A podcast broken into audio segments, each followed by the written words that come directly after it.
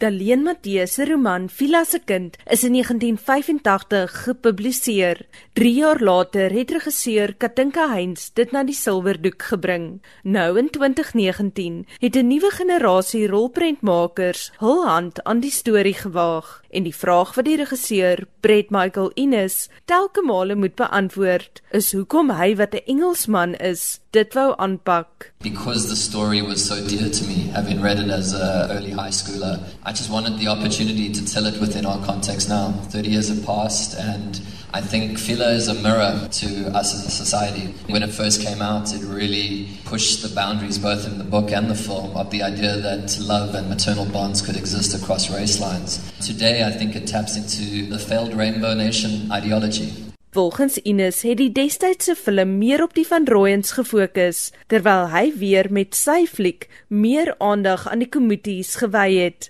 Een so 'n storielyn handel oor Vila se oudste seun, Tolly, wat gevoel het dat Benjamin voorgetrek is. Specifically, Tolly's character, I think, is a voice that is so important in this narrative when it comes to our race dialogues and how we relate to each other. On a narrative level, we want the pretty bow that says everything is better. But being colorblind doesn't take us anywhere. I say, let's see each other's colors, let's see the differences, let's try and understand and empathize with each other's different experiences.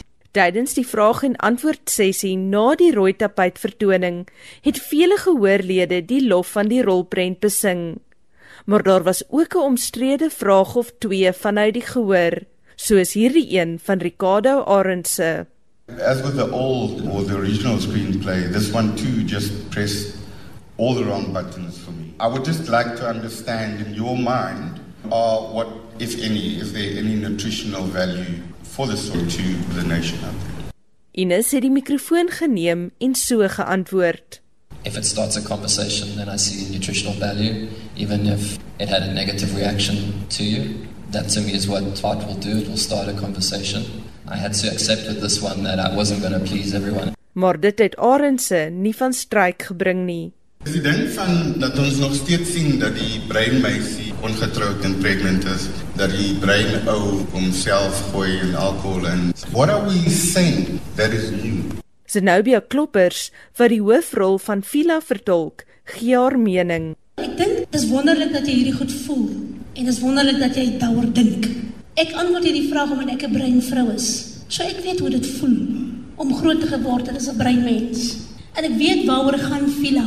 Let's face it, dis 'n wit vrou wat 'n breinverhaal geskryf het gedurende apartheid. Maar daai wit vrou het haar man gestaan en geskryf oor iets waarvoor sy tronk toe kon gegaan het destyds. So ek applaud haar daarvoor, want toe ons nie ons eie stories kon vertel nie, toe ons nie mag nie, het die vrou dit gedoen. En toe gaan maak hulle film in die 1980s en ek applaud vir daai mense want hulle het weer eens hulle bes gedoen om 'n breinstorie te vertel binne die konteks van apartheid. Nou kom ons en ons vat hy storie en ons sê luister hier, ons gaan hierdie storie vertel en brein het 'n groot ding gevat. Want hier sit 'n wit Engelsman en hy wil my storie vertel.